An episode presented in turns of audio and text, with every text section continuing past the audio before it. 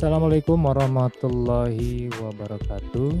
Selamat pagi, siang, malam, sore untuk rekan-rekan mahasiswa. Uh, kali ini kita akan uh, membahas materi mengenai pertemuan 4 ya di mata kuliah e-bisnis bertemakan strategi dalam e-bisnis.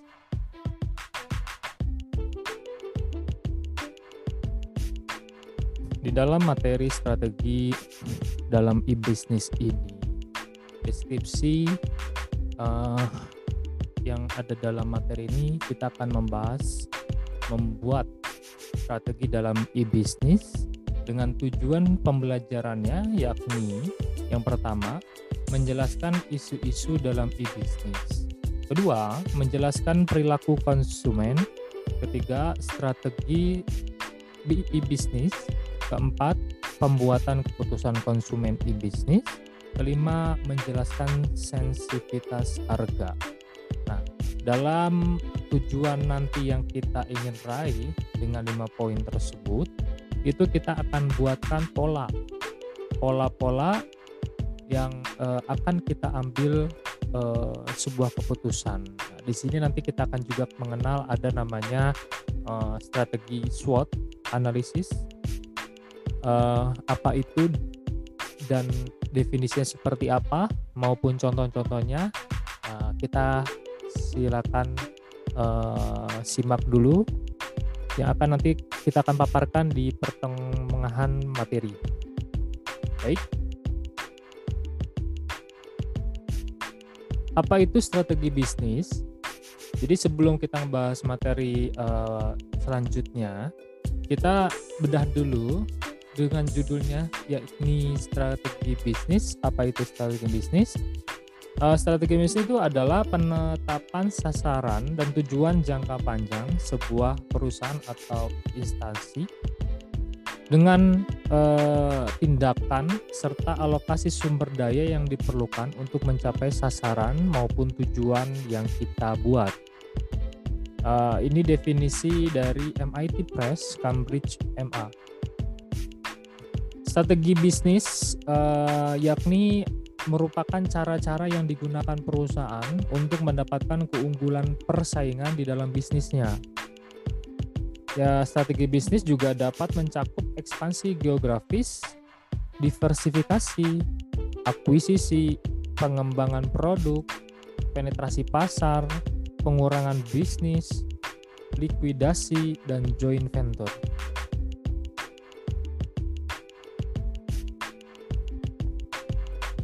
Jadi kita bisa sederhanakan strategi bisnis ini definisinya yakni sebuah cara atau langkah yang digunakan oleh perusahaan maupun instansi dengan membuatkan pola-pola tertentu di mana pola ter tertentu itu itu bisa kita tentukan sasarannya bahkan tujuannya yang jangka panjang agar nanti bisa kita tentukan untuk uh, ekspansi, untuk penetrasi, untuk akuisisi dengan melihat pola-pola geografis maupun diversifikasi dan juga goalnya agar kita bisa menentukan keunggulan-keunggulan produk kita agar bisa bersaing di dalam bisnis yang serupa itu bisa dikatakan definisi yang kita bisa sederhanakan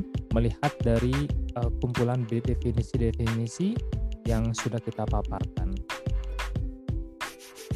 Nah, apabila kita sudah bisa menerjemahkan definisi dari strategis bisnis, kita juga harus bisa melihat dalam pembuatan pola strategi bisnis itu kita harus melihat tingkatannya jadi beda antara tingkatan bisnis uh, korporasi yang sudah berbasis IPO misalnya atau korporasi masih berbasis uh, uh,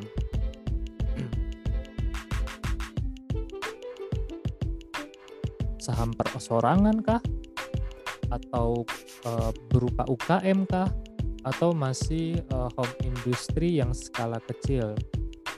Nah, itu berbeda sekali tingkatan-tingkatan yang kita bisa uh, apa gunakan dengan metode strategi bisnis.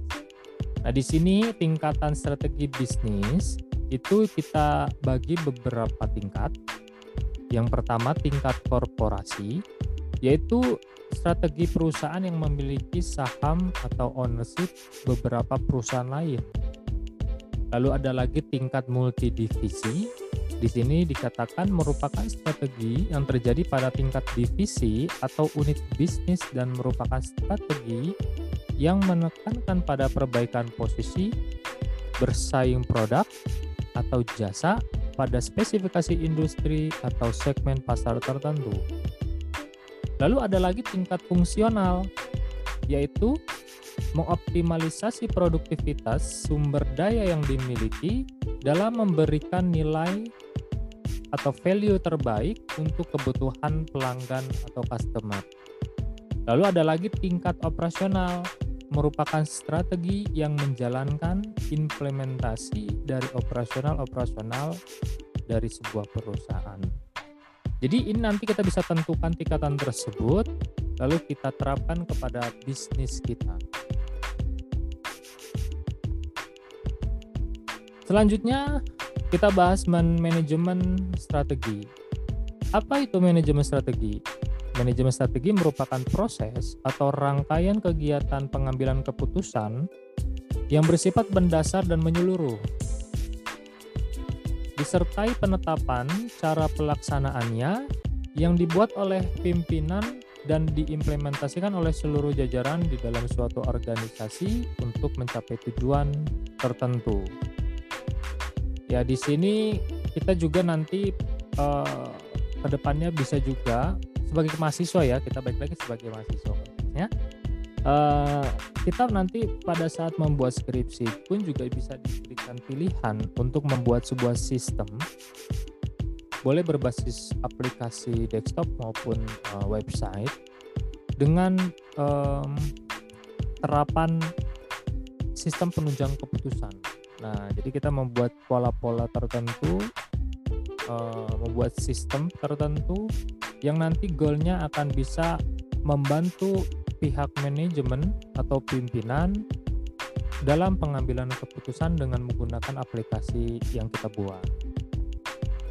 Nah, sebelum kita mengarah ke arah sana, uh, baiknya kita mempelajari dulu dasar-dasar dalam manajemen strategi. Balik lagi ke dalam uh, materi manajemen strategi. Di sini dikatakan karakter manajemen strategi harus berorientasi masa depan. Lalu juga harus ada hubungannya dengan unit bisnis yang ada. Lalu ada kebutuhan dan kejelasan tugas sangat tinggi seiring perubahan yang terjadi. Kadang-kadang ada batas-batas tugas yang menjadi tidak jelas, kita harus perjelas. Lalu proses yang dijalankan tidak terpisah dari aktivitas manajerial lainnya. Lalu harus juga mempunyai pola target yang jelas atau target waktu yang jelas.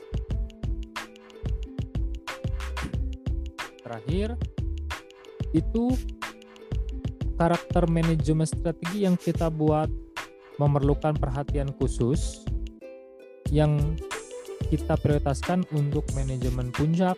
Artinya kita buat berdasarkan kebutuhan manajem manajer ke atas eh, manajer direktur komisaris dan lain sebagainya.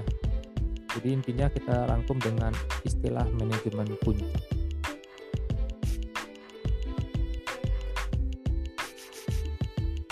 manfaat manajemen strategi Manfaatnya antara lain pemahaman yang lebih jelas atas visi strategi perusahaan, dapat menjadi fokus yang lebih tajam terhadap apa yang secara strategis memang penting. Ketiga, pemahaman yang lebih baik terhadap perubahan lingkungan perusahaan yang lebih cepat. Itu adalah manfaat-manfaat dari manajemen strategi. Adapun nanti faktor yang perlu harus kita perhatikan dalam konteks um, manajemen puncak dalam merumuskan strategi, hal pertama yang harus kita lakukan adalah menentukan visi dan misi. Apa itu visi, apa itu misi? Kita harus bisa bedakan dulu. Kita sering mendengar visi dan misi di dalam sebuah organisasi. Baik organisasi itu adalah organisasi perusahaan maupun organisasi uh, organisasi sosial maupun organisasi kemasyarakatan. Kita sering mendengar, bahkan melihat visi misi itu sering kita lihat terpampang di dalam sebuah bingkai atau di dalam halaman page website ya, di instansi tertentu ataupun perusahaan. Tapi kita juga jangan sampai uh, tertukar apa itu visi atau itu misi. Di sini mungkin saya akan menjelaskan secara sederhana saja. Visi itu apa? Visi itu adalah bentuk uh, pemikiran atau uh, sebuah goal yang dibuat ya harapan yang bisa menghasilkan goal yang dibuat yang bisa mencerminkan sebuah strategi dari sebuah perusahaan atau instansi yang kita miliki. Sedangkan misi adalah tools atau tindakan atau langkah-langkah yang diperlukan yang dapat mewujudkan visi itu sendiri. Jadi kalau untuk visi itu biasanya tidak banyak. Paragraf atau frasa yang dibuat itu biasanya singkat tapi cangkupannya keseluruhan dalam sebuah instansi tersebut atau harapan goal yang diharapkan dari instansi tersebut. Akan tetapi kalau misi itu biasanya banyak sekali perasa-perasanya atau rincian eh, apa penjelasannya di mana itu sebuah ya tadi dikatakan sebuah langkah yang bisa mewujudkan visi itu sendiri.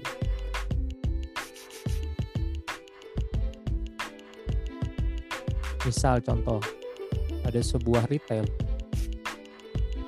retailnya ini membuat visi menjadi sebuah perusahaan retail terbesar di Indonesia. Misinya kita buat jabarkan langkah-langkah menjadi top komen di sosial media tertentu. Kedua, merajai uh, merajai harga termurah dalam eh, barang-barang uh, kebutuhan sehari-hari di Indonesia. Terus poin ketiga misalnya menjadikan uh, pilihan terbanyak dalam masyarakat yang memilih makanan ataupun minuman yang uh, dibutuhkan sehari-hari atau lain sebagainya.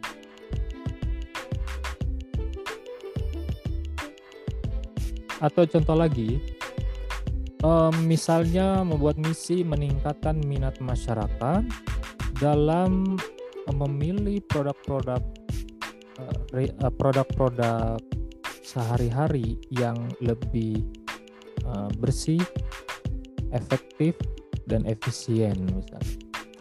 Ini sebenarnya uh, hanya gambaran sederhana saja. Ini spontanitas saya saja uh, menggambarkan sebuah visi dan misi. Tapi sebenarnya bisa kita kembangkan atau kalian kembangkan lagi dengan kata-kata yang lebih baik. Ya, kata-kata yang lebih uh, apa namanya menggambarkan uh, goals visi yang kalian ingin buat yang perlu kita perhatikan adalah perbedaan antara visi dan misi. Ya kita sederhanakan lagi visi itu adalah uh, impian ataupun uh, harapan goal yang ingin kita raih. Dalam hal ini perusahaan atau instansi yang kita miliki. Sedangkan misi adalah langkah-langkah atau cara atau tindakan yang dapat mewujudkan visi itu sendiri Baik. Kita baik lagi ke dalam faktor yang harus kita perhatikan uh, dalam aspek manajemen puncak dalam merumuskan strategi. Yang kedua yakni mengembangkan profil perusahaan. Dalam hal ini kita bisa kembangkan profil perusahaan ini ada beberapa macam aspek. Banyak sekali kalau kita mau jabarkan. Pertama, kita harus membuat dulu company profile yang baik. Dengan media apa pun itu. Bisa menggunakan media uh, website yang pada umumnya memang menggunakan website. Bisa membuat dengan custom. Kalau kita mempunyai uh, sumber daya IT yang mumpuni. Atau kita menggunakan pihak ketiga yakni konsultan IT dengan membuatkan mungkin website tertentu atau menggunakan uh, media website yang gratis. Misalnya menggunakan CMS WordPress. Apa pun itu yang penting kita bisa membuat company profile kita sendiri. Di situ harus terdiri dari uh, struktur organisasi ya halaman tertentu ya ada struktur organisasi lalu ada lagi uh, kontak us. Ya terus ada lagi um, dokumentasi. Ya baik kegiatan baik CSR baik uh, dokumentasi yang lainnya. Nah. Jadi itu kebutuhan yang pertama dalam pengembangan profil perusahaan nanti kalau sudah itu dibuat itu kita bisa kembangkan lagi agar uh, profil perusahaan kita itu bisa uh, berekspansi secara luas bisa dikenal oleh banyak masyarakat luas. Dengan cara beriklan mungkin uh, iklan secara digital yang lebih efisien atau ekspansi dengan cara beriklan di media massa tapi biasanya sekarang perusahaan-perusahaan mengarahnya ke arah digital dengan cara mungkin mengembangkan website tersebut dengan CEO-nya, SEO ya, Search Engine Optimizer atau uh, menggunakan uh, iklan ads ya, ads yang ada di beberapa platform media sosial seperti Facebook, uh, Facebook Ads ataupun menggunakan Instagram Ads ya dan lain sebagainya. Atau yang lebih uh, apa optimal lagi dengan menggunakan uh, bisnis Google Business ya. Pengembangan uh, Google Map dengan menggunakan pendekatan ulasan dan rating dan lain sebagainya. Banyak sekali strategi untuk uh, mengembangkan profil perusahaan ya tadi tambahan untuk ads ads berbasis sosial media itu juga bisa kita manfaatkan nggak hanya untuk menyebarkan profil perusahaan agar masyarakat tahu kita juga bisa mengenalkan produk kita juga. Gitu. Jadi kita eh, kita lanjutkan ke poin ketiga faktor yang ketiga yakni pengenalan produk. Pengenalan produk ini bisa menggunakan pendekatan tadi pendekatan menggunakan uh, ads di sosial media. Ya. Instagram Ads, Facebook Ads, Google Ads atau Google Business. Nah. Itu yang ketiga. Jadi kalau ketiga mungkin rekan-rekan sudah paham lah. Tidak perlu pakai strategi yang uh, apa yang canggih dengan cara sederhana pun kita secara tidak langsung sering uh, apa namanya sering uh, lakukan dengan cara kita mempunyai produk uh, lalu kita tawarkan ke teman-teman atau kerabat itu adalah proses pengenalan produk yang paling sederhana. Yang paling sederhananya lagi kadang-kadang kita update status di sosial media di Instagram maupun WhatsApp status itu juga sama pengenalan produk ataupun kita mau yang lebih expans lagi yaitu beriklan. Ya. Iklan di media massa atau media online. Baik kita lanjutkan saja. Yang keempat poin keempat adalah analisis kekuatan. Nah analisis kekuatan ini kita juga harus melihat uh, beberapa uh, tools yang bisa kita gunakan untuk menganalisa kekuatan yang dimiliki oleh perusahaan atau instansi kita. Jadi tidak sembarangan kita uh, apa uh, memolak. Tadi sudah di kita singgung di uh, prakata awal kita bisa memanfaatkan uh, analisa SWOT atau SWOT analisis Nanti kita akan jabarkan di bawah. Baik, selanjutnya yang kelima adalah mengidentifikasi beberapa pilihan. Ya.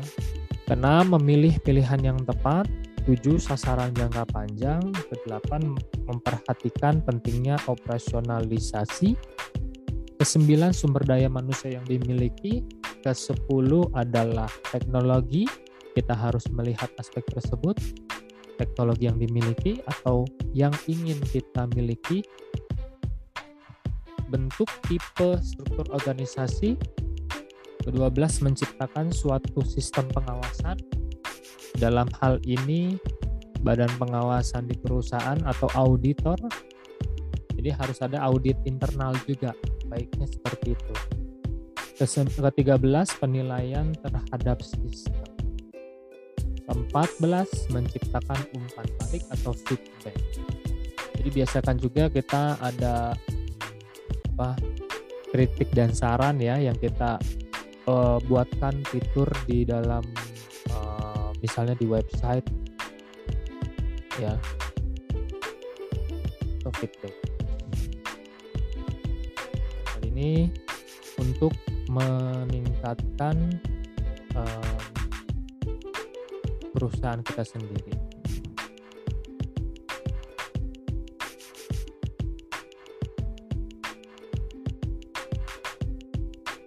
Di sini ada penjelasan mengenai strategi perusahaan dikatakan sangat dipengaruhi oleh strategi bisnis itu sendiri. Namun dalam e-bisnis, strategi-strategi bisnis tersebut sangat dipengaruhi serta dapat dikembangkan dengan adanya penggunaan dan pemanfaatan IT. Jadi strategi bisnis yang kita sudah jabarkan di atas itu itu adalah gambaran umum strategi bisnis. Namun kalau kita mau membuat mau membuat e-bisnis, tambahkan satu aspek yakni pemanfaatan IT. Gitu. Di sini kita sudah masuk ke dalam namanya strategi SWOT. Ya, sebelumnya kita melihat dulu uh, ada isu-isu penting yang ada di dalam e-bisnis. Pertama, teknologi hanya memegang peranan lebih kurang sepertiga bagian saja, jadi tidak, uh, eh, maksudnya dikatakan sepertiga bagian saja. Terus perusahaan e-bisnis harus memperhatikan dua per tiga bagian lainnya, organisasi, SDM, relasi, sistem manajerial, dan strategi yang akan diterapkan. Terus persoalan e-bisnis bukan sekedar penerapan TI atau IT dalam sistem bisnis tradisional, tapi juga perubahan yang berjalan bersamaan. Di sini ada um, dibagi dua, bagian faktor internal maupun faktor eksternal dibuat pola analisa SWOT jadi kita melihat harus uh, apa namanya memahami ya. Kalau dalam memolakan analisa SWOT itu ada empat aspek yang kita perhatikan yakni pertama adalah kekuatan atau strength yang dengan inisial S. Terus lagi ada kelemahan atau weakness itu dengan inisial W. Lalu ada peluang opportunity itu ini diinisialkan dengan O terus ada ancaman atau threat dengan inisialnya P kalau misalnya rekan-rekan mahasiswa sering melihat pola seperti ini, ini berarti kita harus membuat analisa SWOT atau membaca analisa SWOT dalam sebuah bisnis. Baik, sebelum kita jabarkan apa itu SWOT, kita sedikit membahas pengertian analisa SWOT atau SWOT analisis. Apa itu SWOT? SWOT itu sebuah singkatan dari strength atau kekuatan, weakness atau kelemahan, opportunity atau peluang, dan threat atau ancaman. Jadi SWOT itu apa? Yakni mengatur kekuatan maupun kelemahan beserta peluang dan juga ancaman utama yang ada Lalu kita atur ke dalam daftar yang terorganisir dan biasanya disajikan dalam bilah kisi-kisi yang sederhana. Nah, langkah pertama kita harus memilah dulu dua faktor yang kita bisa bedakan, yakni pertama faktor internal dan kedua faktor eksternal. Jadi faktor internal ini kita melihat aspeknya yang ada di dalam perusahaan kita. Sedangkan faktor eksternal di luar dari daya perusahaan itu sendiri. Gitu. Jadi kita sebut eksternal. Apa itu? Ya misalnya kebijakan pemerintah ataupun kebijakan uh, regulasi uh, paguyuban atau perusahaan uh, apa namanya uh, asosiasi perusahaan ya atau faktor dari uh, geopolitik ya kan internasional ataupun uh, faktor alam ataupun faktor bencana ya itu adalah faktor eksternal di luar dari perusahaan itu sendiri yang tidak bisa kita uh, atur dengan mudah jadi tahap pertama tadi kita harus bedakan ada faktor internal ada faktor X eksternal nah untuk faktor uh, internal itu ada uh, posisi kekuatan atau strength dan weakness atau kelemahan. Jadi uh, strength dan weakness itu atau kekuatan atau dan kelemahan itu itu berasal dari internal perusahaan atau uh, berasal dari internal instansi kita. Jadi hal-hal yang uh, dapat kita kontrol dan juga dapat berubah. Contohnya termasuk siapa yang ada di tim kita atau uh, apa lokasi kita. Jadi sumber daya yang ada di dalam perusahaan atau instansi kita. Ini yang begitu yang bisa kita kelola dengan mudah. Ya, misalnya uh, kita punya uh, karyawan atau uh, anggota tim dalam organisasi kita kita mau mau, mau menyusutkan menjadi yang tadinya 10 satu sepuluh orang menjadi 8 orang dengan aspek efisiensi misalnya. Atau justru kebalikannya oh kita hanya baru dapat 8 orang kita harus kembangkan lagi karena kita membentuk divisi di sini baru berarti kita harus rekrutmen lagi. Itu jadi eh, hal-hal uh, yang uh, dinamis yang mudah sekali kita ubah karena faktor internal sedangkan uh, dua aspek opportunity atau peluang atau threat ancaman ini kita uh, kategorikan ke dalam faktor eksternal. Yang hal tersebut dapat berdampak langsung ke dalam bisnis kita tapi kita tidak bisa langsung bisa uh, apa mengintervensi hal tersebut dengan mudah. Tapi kadang faktor eksternal juga bisa memberikan sebuah keuntungan tanpa kita duga. Ya, sehingga kita dapat memanfaatkan peluang dan juga mengurangi sebuah ancaman. Yang penting kita bisa polakan terlebih dahulu. Contohnya nih ada pesaing, terus ada atau maksudnya ada pesaing baru yang kita belum bisa lihat aspeknya. Berarti kan kita harus melihat aspek keunggulan di pesaing kita itu. Gitu kan. Kita harus taruh di dalam nih sehingga kita bisa polakan juga opportunity atau kesempatan kita nih apa nih yang ternyata dia beda beda bisnis proses dengan kita misalnya pesaing kita itu berarti kan jadi peluang contohnya aja terus ada juga faktor bahan baku ya kan bahan baku ternyata naik atau lagi turun kalau naik berarti ancaman kalau turun berarti peluang gitu. Dan juga tren belanja pelanggan atau demand berarti kan. Demand tersebut kan kita bisa ngeliat behaviornya kebiasaan masyarakatnya.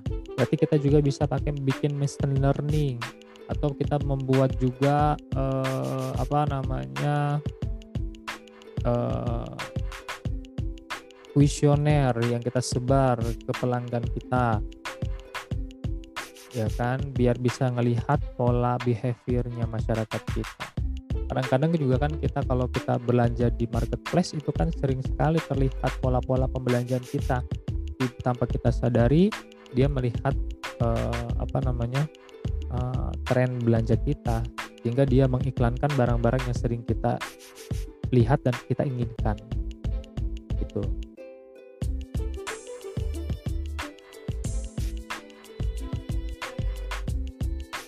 jadi teknik analisa SWOT ini yang setahu saya dibuat oleh Albert Humphrey yang memimpin proyek riset pada uh, Universitas Stanford pada dasar wasa 1960-an dan 1970-an dengan menggunakan data dari perusahaan-perusahaan Fortune 500.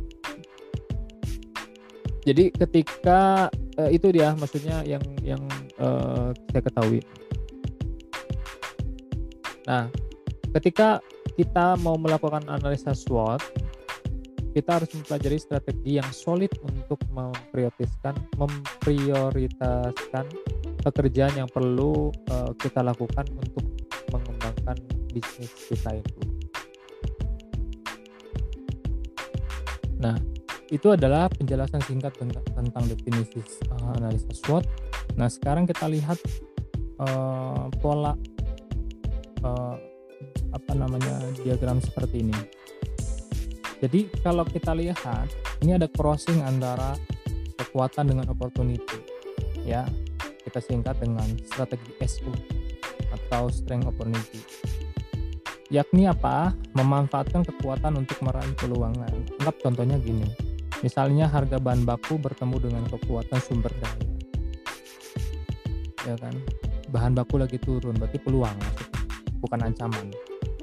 Kekuatan kita adalah sumber daya kita banyak contohnya berarti di sini kita membuat strategi SO mengoptimalkan pemberdayaan SDM kita yang melimpah untuk dibuatkan pola kerja jam kerjanya tiga shift misalnya dengan sistem lemburan apabila mau mumpung uh, bahan baku sedang murah. Misal ini strategi yang sederhana. Atau mungkin dilihat lagi aspek tergantung kekuatannya kita apa. Jadi langkah kedua ya kita list dulu masing-masing SWOT ini apa aja sih. Strength kekuatan misalnya apa aja mempunyai sumber daya yang banyak misalnya uh, apa namanya UMP di daerah kita di tempat perusahaan kita.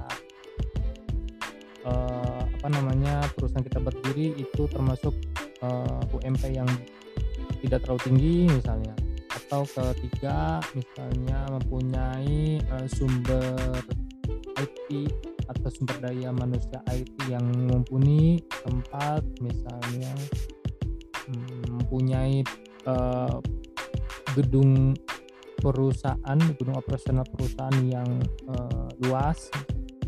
Terus keempat eh kelima misalnya mempunyai uh, mungkin pola eh produk yang unggul. Ya, opportunity juga sama. Misalnya uh, untuk tadi bahan bakunya mungkin lagi murah terus juga demand masyarakat dengan produk yang kita miliki itu lagi tinggi tingginya di list pokoknya satu ya jadi nanti di crossing antara SO atau strategi uh, strength opportunity juga ada nanti dengan WO atau uh, kelemahan yang dimiliki internal dengan ketemunya opportunity peluang itu jadinya apa buat strateginya. Terus juga ST atau uh, strength threat ya kekuatan dengan ancaman itu nanti kuatkan pola atau sama WT juga sama. Jadi itu pentingnya membuat pola SWOT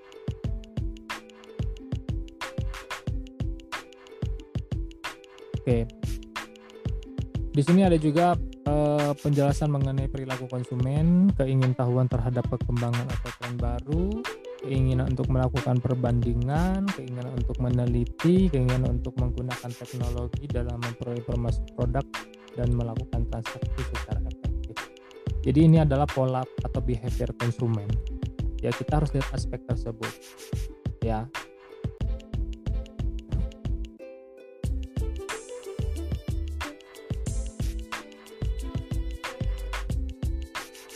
Menurut Budi Sutejo di tahun 2001 ada tujuh perubahan pola perilaku konsumen tradisional ke dalam e-bisnis yaitu um, pola belanja dari pergi ke pasar tradisional menuju, menuju komputer ataupun uh, smartphone. Ya kalau yang sekarang ya ke smartphone. Terus kedua pola pemilihan barang. Dari memegang barang menjadi melihat katalog elektronik. Ketiga, pola transaksi dari pola ada uang, ada barang menjadi ada uang, barang dikirim. Keempat, pola konsumsi barang dibeli tidak dapat langsung dikonsumsi. Kelima, pola pemakaian barang khusus barang berwujud harus melalui perantara. Pola pembayaran dari tunai kini uh, ada keterlibatan pihak ketiga seperti penggunaan kartu kredit, uang digital atau cek elektronik. 7. Pola komunikasi seolah kesempatan untuk membina pertemanan hilang. Nah itu tujuh pola perubahan yang uh, dimiliki pem, pe, apa konsumen konsumen saat ini. Sikap-sikap yang dimiliki konsumen e-bisnis yang pertama kritis terhadap penawaran-penawaran produk, sensitif terhadap harga, sensitif terhadap kualitas, menuntut garansi atas produk, menuntut teknik penyajian halaman web yang secara kognitif. Nah, uh,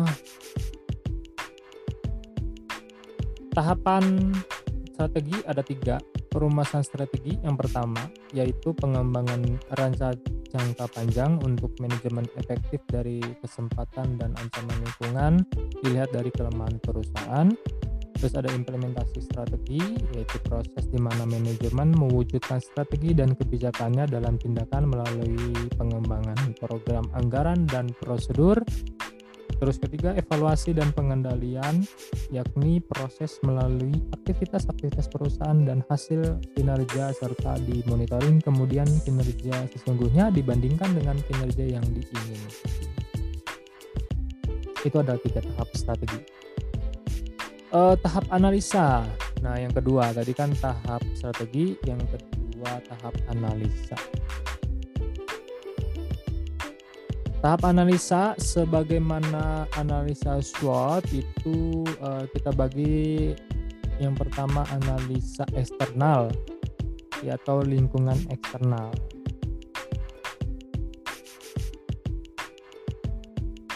Terdiri dari variabel-variabel yaitu dari sebuah opportunity dan trick atau kesempatan dan ancaman yang berada di luar organisasi dan tidak secara khusus ada dalam pengendalian jangka pendek dari manajemen tim. Terus lingkungan kerja terdiri dari elemen elemen atau kelompok secara langsung berpengaruh atau dipengaruhi oleh operasi-operasi utama organisasi dan lingkungan sosial terdiri dari kekuatan umum kekuatan itu tidak berhubungan langsung dengan aktivitas jangka pendek organisasi tetapi dapat sering mempengaruhi keputusan jangka panjang. Itu uh, faktor analisa eksternal atau lingkungan eksternal. Nah yang uh, kedua analisis internal. Itu bisa lihat dari aspek struktur yaitu sebuah cara bagaimana perusahaan diorganisasikan yang berkenan dengan komunikasi, wewenang, serta arus kerja atau dilihat dari aspek struktur organisasi. Terus dilihat lagi dari aspek budaya kerja ya atau budaya, pola keyakinan, pengharapan dan nilai-nilai yang dibagi oleh anggota organisasi dan perusahaan atau perusahaan. Terus sumber daya ya, sumber daya manusia maupun sumber daya bahan baku. Ya, aset yang merupakan bahan baku bagi produksi barang dan jasa organisasi. Nah, itu dia. Ini penjelasan tentang SWOT tadi kita sudah bahas. Ya, jadi saya skip. Tapi di sini ada contoh penggunaan analisa SWOT pada toko elektronik berkah jaya yang telah menggunakan IT dalam jual beli produk yang ada di tokonya. Di sini dipilah kekuatan atau strengthnya.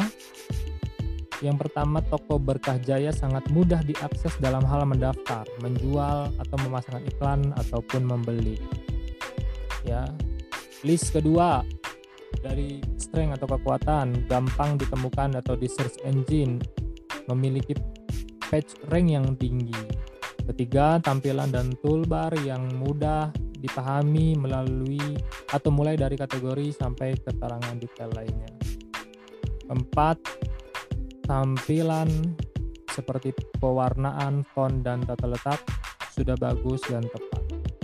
Dan kini sudah memiliki aplikasi berbasis mobile. Itu adalah kekuatan yang diambil contoh dari toko elektronik berkah Kelemahannya atau weaknessnya yang dimiliki oleh toko Berkah Jaya yaitu masih menggunakan bahasa Indonesia sehingga website ini belum bisa go internasional. Terus sangat rawan akan penipuan karena semua informasi dapat dipublikasi dengan sangat mudah dan gratis.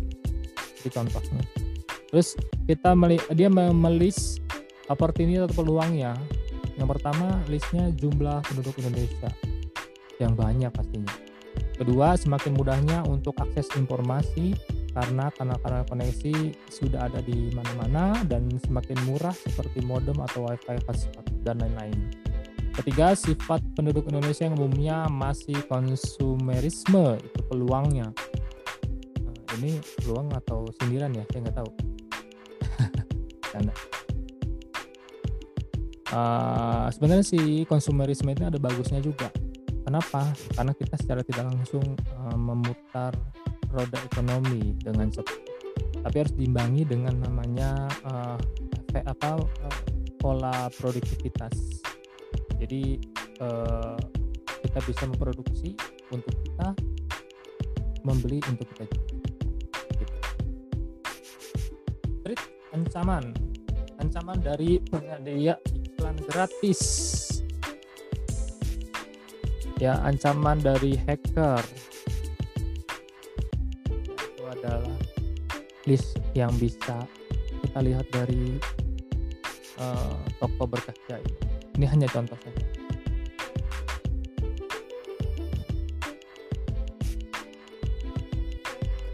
Baik, rekan-rekan mahasiswa kelas KG 14903A UBSI uh, ini adalah penjelasan singkat part pertama dari saya untuk uh, pertemuan 4 strategi manajemen e-bisnis.